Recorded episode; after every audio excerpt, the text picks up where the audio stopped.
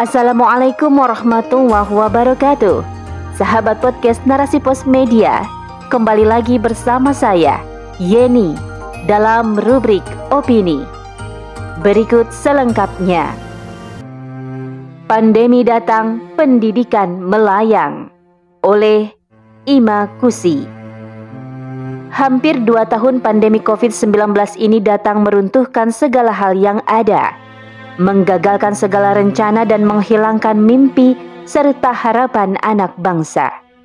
Pandemi tak hanya berimbas pada dunia kesehatan dan ekonomi, tapi juga dunia pendidikan. Dilansir dari jawapos.com pada 16 Agustus 2021 bahwa di masa pandemi ini hampir setengah juta mahasiswa putus kuliah disebabkan kesulitan ekonomi. Kepala Lembaga Beasiswa Basnas Sri Nur Hidayah menyampaikan angka putus kuliah di Indonesia mencapai 602.208 orang sepanjang tahun lalu. Data ini beliau kutip dari Kemendikbudristek. Beliau juga mengatakan, kondisi saat ini sebagaimana diketahui bahwa krisis pandemi COVID-19 telah menyebabkan angka putus kuliah naik tajam.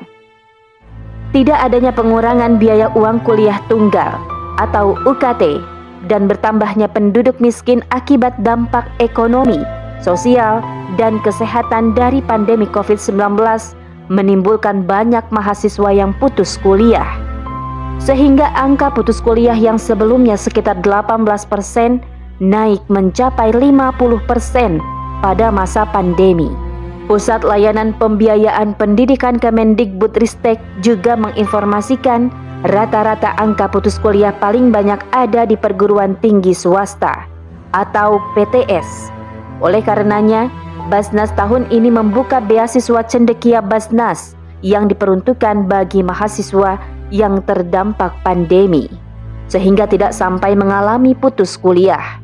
Ini merupakan bukti ternyata kebijakan pemerintah terkait penanganan pandemi tidak mencakup pembebasan biaya sekolah ataupun kuliah. Sejak dulu, pendidikan tinggi memang masih sulit dijangkau oleh anak muda Indonesia, terutama bagi mereka yang berekonomi rendah.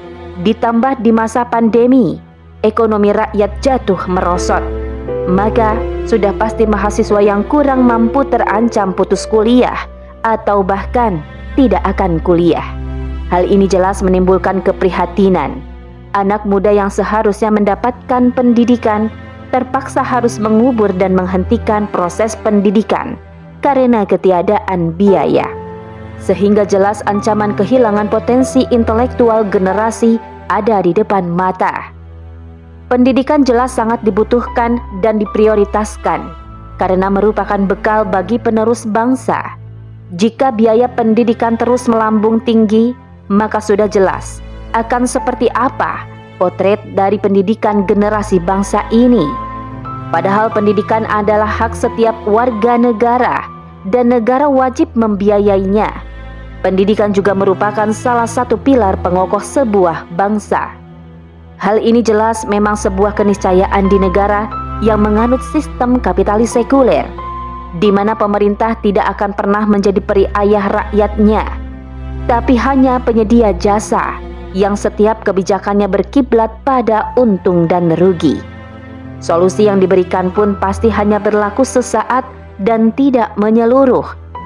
Terbukti dulu saat awal pandemi, ketika para mahasiswa protes tentang tidak adanya pengurangan biaya UKT. Pemerintah hanya bungkam dan hanya memberikan penjelasan bahwa UKT tidak akan mengalami kenaikan dan Majelis Rektor PPN menyepakati empat skema keringanan UKT serta akan memberikan bantuan melalui Kartu Indonesia Pintar atau KIP bagi orang tua yang terdampak pandemi. Hal ini jelas tidaklah mencukupi apalagi memuaskan.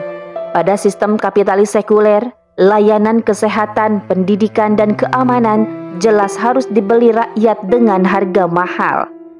Oleh karena itu, rakyat haruslah mempunyai uang untuk bisa menikmati berbagai layanan publik dan pendidikan. Jika tidak, maka rakyat harus bersiap sewaktu-waktu akan menjadi korban dan tidak mendapat pelayanan tersebut. Sistem kapitalis sekuler juga selalu memberlakukan berbagai macam syarat dan ketentuan yang harus dipenuhi rakyat untuk bisa menikmati fasilitas layanan.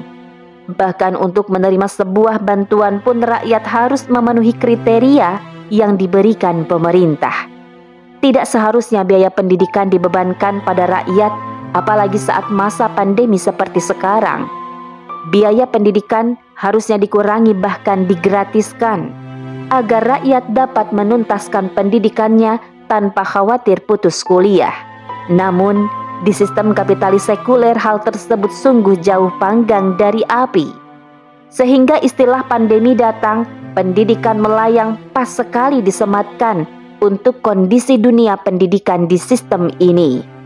Ini jelas jauh berbeda dengan sistem Islam, di mana pendidikan, kesehatan, dan keamanan merupakan hak seluruh rakyat. Ketiganya merupakan bagian dari usaha untuk bisa membentuk manusia yang berkualitas dan sempurna. Juga merupakan kewajiban yang harus diberikan negara pada rakyatnya. Sistem Islam juga bekerja menghadapi situasi faktual dan menjamin terpenuhinya kebutuhan tiap individu rakyat sebagaimana pemberian hak dasar seperti sandang, pangan, dan papan. Islam menjamin terpenuhinya pemuasan semua kebutuhan dasar tiap-tiap individu, sekaligus pemenuhan kebutuhan-kebutuhan lainnya. Pemenuhan kebutuhan dasar ini merupakan kewajiban negara, sehingga tanggung jawab negara terhadap pendidikan, baik terhadap fakir, miskin, maupun orang kaya, adalah sama, tidak boleh dibedakan.